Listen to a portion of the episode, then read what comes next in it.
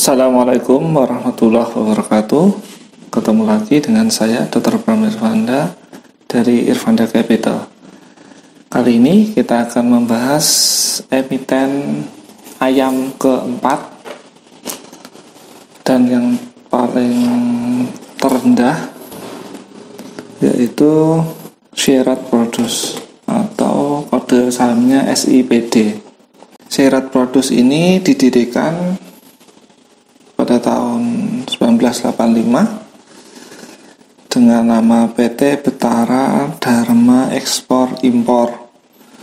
Kemudian tahun 1986 berubah jadi PT Betara Dharma. Kemudian tahun 1993 berubah jadi PT Sierat Produce.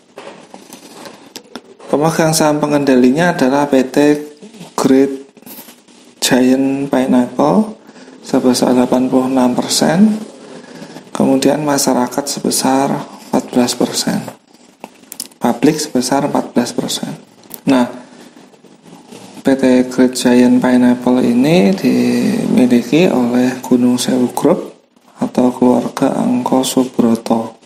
Kemudian dari ceritanya itu syarat produs ini diakuisisi tahun 2015 oleh PT Giant Pineapple. Jadi Giant Pineapple itu pendirinya Pak Setia, salah satu pendirinya Pak Setiawan Ahmad. Jadi terus kita ke bisnis. Jadi SIPD ini ada 6 lini bisnis. Yang pertama adalah pakan ternak yang terbesar. Kemudian DOC ada DOC broiler dan DOC layer. Broiler itu DOC ayam pedaging. DOC layer itu DOC nya ayam petelur. Kemudian peternakan ayam. Yang kelima adalah bisnis ayam potong atau rumah potong ayam. Kemudian yang keenam makanan olahan. Jadi dari sisi bisnis gimana? Dari omset di 2018 makan ternak itu menyumbang 51 persen atau 1,57 triliun di 2018 kemudian DOC itu menyumbang omset 14 persen atau 431 miliar Kemudian rumah potong ayamnya menyumbang 13% atau 401 miliar. Kemudian peternakan ayamnya menyumbang 7% atau 327 miliar. Makanan olahan dan lain-lain menyumbang 12% atau sebesar 385 miliar. Jadi pakan ternak masih utama, kemudian DOC kemudian broiler atau rumah potong ayam. Kemudian makanan olahan baru ternak ayam. Terus gross profitnya di divisi pakan ternak itu menyumbang 141 miliar. DOC menyumbang 127 miliar.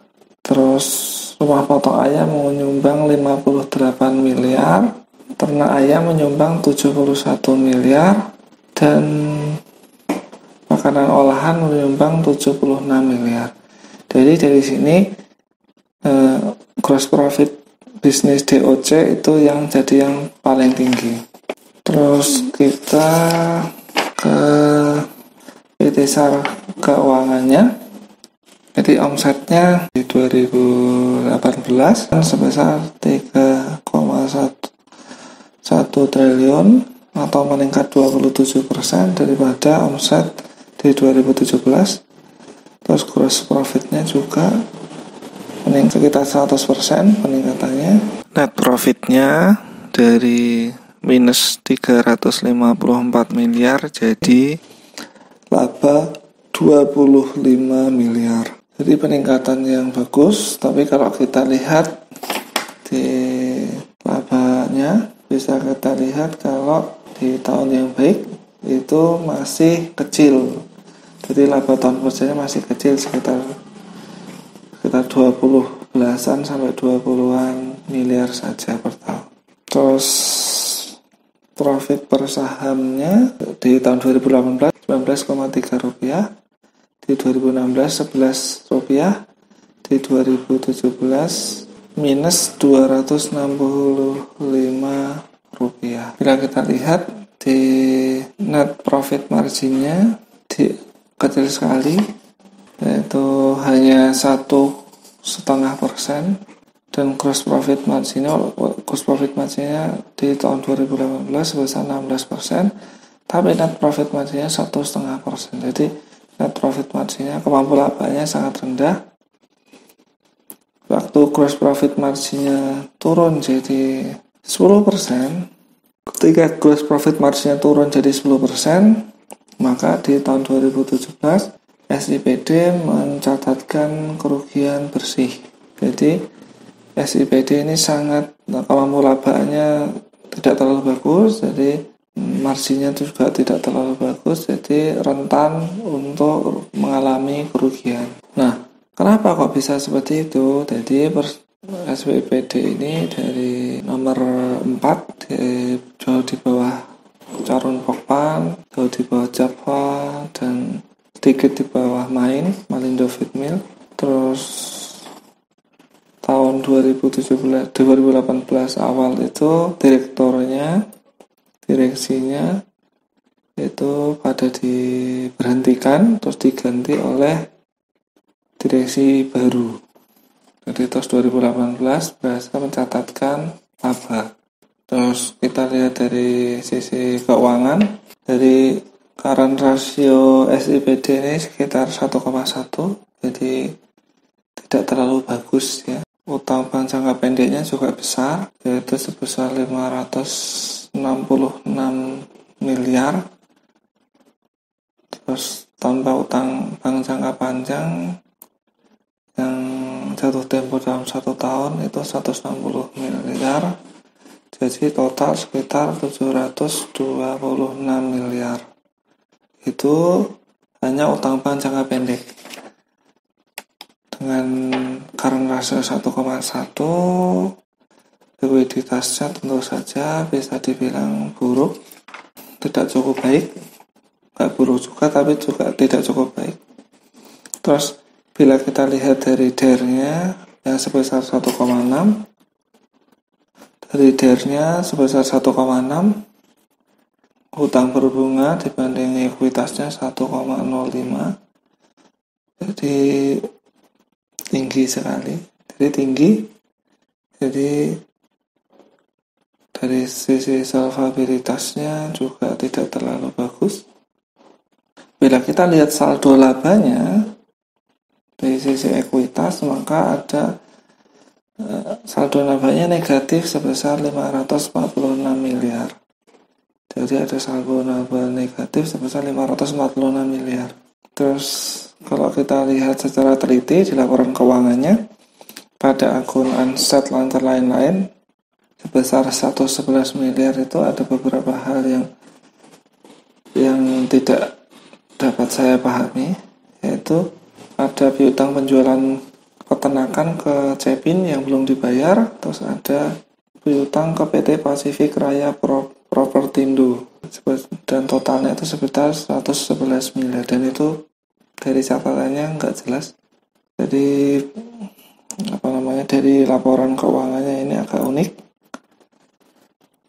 Terus dari sisi likuiditas dan solvabilitasnya tidak terlalu baik Kenapa begitu? Karena kasnya di 2018 akhir 2018 cuma 186 miliar dan utang bank jangka pendeknya sebesar segitu.